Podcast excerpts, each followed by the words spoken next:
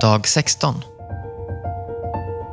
Därför har Gud också upphöjt honom över allting och gett honom namnet över alla namn för att i Jesu namn alla knän ska böjas i himlen och på jorden och under jorden och alla tungor bekänna att Jesus Kristus är Herren, Gud Fadern till ära.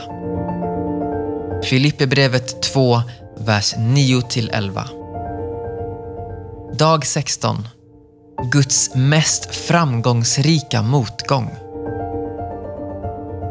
Julen markerade början på Guds mest framgångsrika motgång. Han har alltid funnit glädje i att visa sin makt genom vad som tycks vara nederlag. Han gör taktiska reträtter för att vinna strategiska segrar. Josef, en av Jakobs tolv söner i Gamla testamentet, fick löfte om ära och makt i sin dröm i Första Moseboken kapitel 37, vers 5-11. Men för att uppnå den segern var han tvungen att bli slav i Egypten.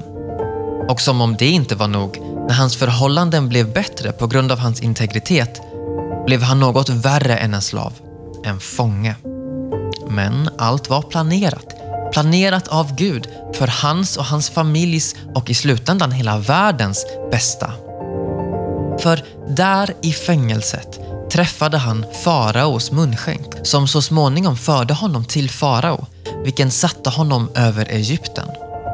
Och till sist gick hans dröm i uppfyllelse. Hans bröder bugade sig för honom och han räddade dem från svält.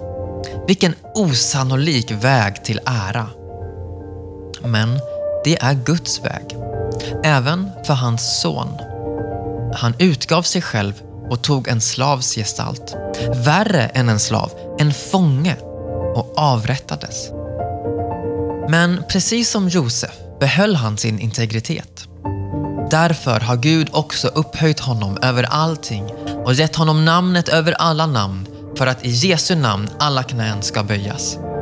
Filipperbrevet kapitel 2, vers 9-10. Och detta är Guds väg för oss också. Vi är lovade härlighet om vi lider med honom, som det står i Romarbrevet 8, vers 17. Vägen uppåt är neråt. Vägen framåt är bakåt.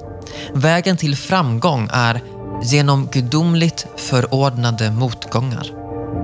Det kommer alltid att se ut och kännas som misslyckanden. Men om Josef och Jesus lär oss något denna jul är det detta. Satan och syndiga människor tänker ut onda planer, men Gud har tänkt det till godo. Första Moseboken kapitel 50, vers 20. För sagda helgon fatten mod ur moln där åskor gå skall snart hans rika kärleksflod välsignande er nå.